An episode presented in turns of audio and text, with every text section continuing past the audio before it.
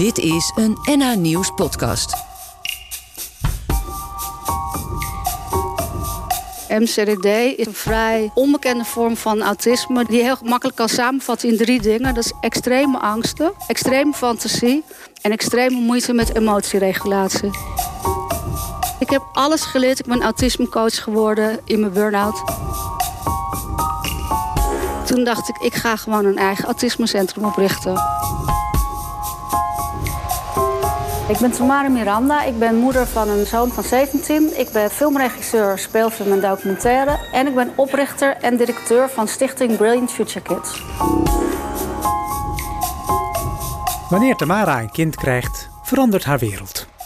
In haar eentje voedt ze een zoon op die haar niet alleen keer op keer verrast met diepzinnigheden, maar die ook grote moeite blijkt te hebben met de wereld om hem heen.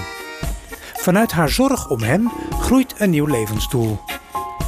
In Rue Paré, een huis voor de buurt in Amsterdam Nieuw-West, spreekt ze erover voor onze groep strijders. Gewone mensen die gedreven worden door iets waar ze in geloven. Samen met andere aanwezigen zijn ze elkaars publiek. Een foto van haar inmiddels 17-jarige zoon ligt op de sokkel naast haar. Hij is de grote inspiratie voor de inzet die ze pleegt. Dit is het podium waarop inspirerende Noord-Hollanders ons vertellen wat hen drijft. Dit is de plek voor onze strijders. Toen ik 17 jaar geleden moeder werd van dit mooie jongetje, dat was het eigenlijk het mooiste wat me is overkomen. Zwanger zijn en een kind in mijn eentje opvoeden is ook tegelijkertijd het eenzaamste wat me ooit is overkomen. Maar mijn kind is eigenlijk zo'n groot cadeau. Ik heb de eerste vier jaar nog gehoopt dat zijn vader hem wou zien. Nou, dat is tot op heden niet gebeurd. Maar eigenlijk gaf dat een hele mooie uh, kans. Want het gaf mij de kans om als alleenstaande moeder... om echt met een soort dubbel hart en met dubbele ogen naar mijn kind te kijken. En we hadden ons zo'n ontzettend close band. Uh, we leefden eigenlijk de eerste vier jaar volledig met z'n tweeën in een soort bubbel. Gelukzalige bubbel, kan ik wel zeggen. Hij was de hele dag bezig met verhalen vertellen, met fantasie. Toen hij 3,5 was, werd hij getest. Bleek uit dat hij een heel hoog IQ had. Zeiden ze wel, is net zo lastig als een laag IQ. Maar daar geloofde ik absoluut niks van. En we kregen ook al wat te maken met, met hulpverlening. Want hij kon niet zo goed tegen drukte. Hij liep op zijn tenen. Hij was eigenlijk bang voor onbekende woorden. Dus ik wist wel dat er iets met hem was, maar dat maakte hem in mijn ogen alleen maar nog mooier. Want hij, vanaf dat hij twee was, kon hij, zei die dingen als: Mama, ik vang het geluk voor jou. En dan zat hij stofwolkjes uit het zonlicht te halen. Of hij zei: Mama, alles wat je hoofd vergeet, staat in je hart geschreven. Want in je hart zit een boek. En daar zit alles wat je hoofd in staat geschreven. En dan ging hij daarna gewoon weer verder, Lego bouwen. En op een gegeven moment, toen hij vijf was, zei hij zelfs... ja, mama, als ik later groot ben, dan word ik de papa van mijn papa. Want dan kan ik hem leren hoe hij voor kindjes moet zorgen. Ja, dat zat ik. Maar uh, eigenlijk is hij nog steeds zo mooi en zo wijs. Alleen, we merkten wel dat het niet goed ging. Op school moest hij bijvoorbeeld, onder, mocht hij, als het druk was, mocht hij onder de zandtafel zitten. Ja, en al gauw zat hij hele dagen onder de zandtafel in de eerste groep. En nou ja, dat, was dus niet de juiste plek voor hem. Dus toen is hij naar een orthopedagogisch centrum gegaan. En daarna een jaar observatie kwam er een, een, een diagnose uit. Ja, dit sloeg mij echt als een soort hamer op mijn hoofd. Want het was autisme. Ja, dat, op zich helemaal autisme, had ik wel verwacht. Maar MCDD. MCDD is een vrij onbekende vorm van autisme... die heel makkelijk kan samenvatten in drie dingen. Dat is extreme angsten, extreme fantasie... en extreme moeite met emotieregulatie. Het briefje wat ik in mijn handen geduwd kreeg van de psychiater... die zei, ga vooral niet lezen, maar er stond een briefje bij... en er stond bij, nou, maar 10% van de kinderen met MCDD... zou ooit zelfstandig kunnen wonen... En grote kans op psychoses in de puberteit. Nou, van dat ene zinnetje ben ik dus drie jaar burn-out geweest. Uh, ondertussen ben ik alles gaan lezen en leren. Dus totaal niet wat je moet doen, maar wel wat, wat. Het was het slechtste advies wat iemand me kon geven om te zeggen: ga niet lezen. Dus ik heb alles geleerd. Ik ben autismecoach geworden in mijn burn-out. En uiteindelijk is hij naar acht scholen geweest. Want autisme met een hoog of een normaal IQ is eigenlijk een soort onzichtbare handicap.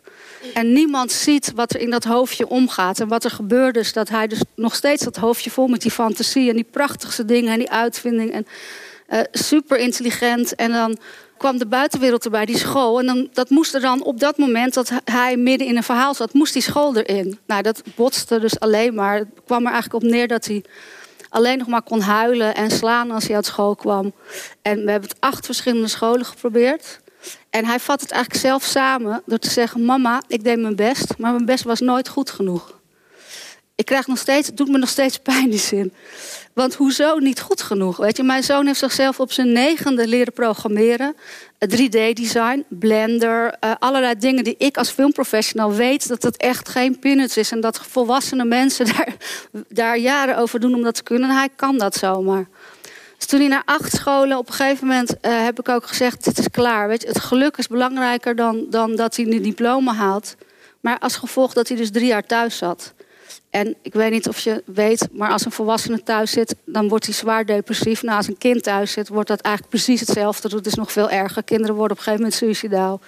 En als er creativiteit verdween, als ouder is ongeveer het ergste wat je kan overkomen, is je kind kapot zien gaan. Dus uiteindelijk was ik zo wanhopig dat ik ineens dacht: maar wacht even. Ik ben filmregisseur. Ik heb een ontzettend groot netwerk. Ik ben al 30 jaar filmregisseur. Nog nooit heeft iemand mij op de set gevraagd om een diploma. Het gaat om skills. Het gaat om wat je kan. En zeker in deze tijd met programmeren en, en, en. Kinderen zijn zo visueel, die leren dingen op een heel andere manier. Dus wie heeft er een diploma nodig? Nou, toen dacht ik, ik ga gewoon een eigen autismecentrum oprichten. Ook volslagen absurd, want iedereen zei dat kan helemaal niet. Maar ik heb het toch gedaan samen met mijn 80-jarige vader. Die, eerst zijn we, zijn we naar allerlei dingen gegaan. Uiteindelijk hebben we een heel professioneel team. We zijn nu andere, 16 maanden open. We hebben plek voor 12 kinderen. Uh, we hebben er al 25, want de nood is zo ontzettend hoog. Het probleem is dat wij niet uit kunnen breiden. En er zitten 20.000 kinderen zitten in Nederland thuis. Al die kinderen hebben geen toekomst, geen onderwijs. Zijn allemaal intelligent en leerbaar, ongeveer minstens de helft ervan. We hebben nog één grote droom. Dus we, krijgen dus kinderen binnen die echt van suicidaal en heel laag zelfbeeld gaan naar kinderen die opbloeien, die toekomstperspectief hebben. Die... Ja, ik dacht dat ik een mooi beroep had als filmregisseur, maar wat ik nu doe is zo ongelooflijk nog veel mooier. En we combineren het, want we leiden de kinderen op dus in een creatief beroep. Dus we hebben professionele coaches, en autismecoaches. Dus we hebben alle expertise. En ik heb alles wat ik geleerd heb wat niet werkt, heb ik omgezet in dat wat wel werkt. En met zo'n succes dat we inderdaad nu al moeten uitbreiden. En eigenlijk een nog grotere droom hebben. Want autisme houdt niet op als je 18 bent. Autisme is levensbreed. Dus we zijn bezig met een campus voor wonen, leren en werken op een beschermde omgeving. In samenwerking met de creatieve industrie. Dus het wordt, de volgende stap is bijvoorbeeld dat er nu bij ons heel veel creatieve mensen masterclasses komen geven. Of dat ze onze meerwaarde zien door te financieren en apparatuur. Of uh, donaties en dat soort dingen. En eigenlijk is dat we een, een stagebedrijf, dat we een soort begrip worden. Dat ze kunnen zien hoe talentvol kinderen met autisme zijn. En dat is eigenlijk onze missie. En tot nu toe, ja, juist denk ik omdat, omdat ik zelf weet hoe, wat er allemaal mis kan gaan en wat er achter de voordeur gebeurt. Dat is eigenlijk het talent is, of het, het succes van, van ons centrum is dat we weten wat er thuis gebeurt.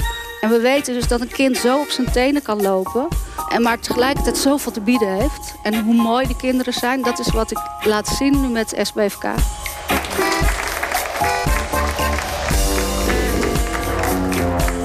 Volgende week in Strijders, Merlijn Twaalfhoven.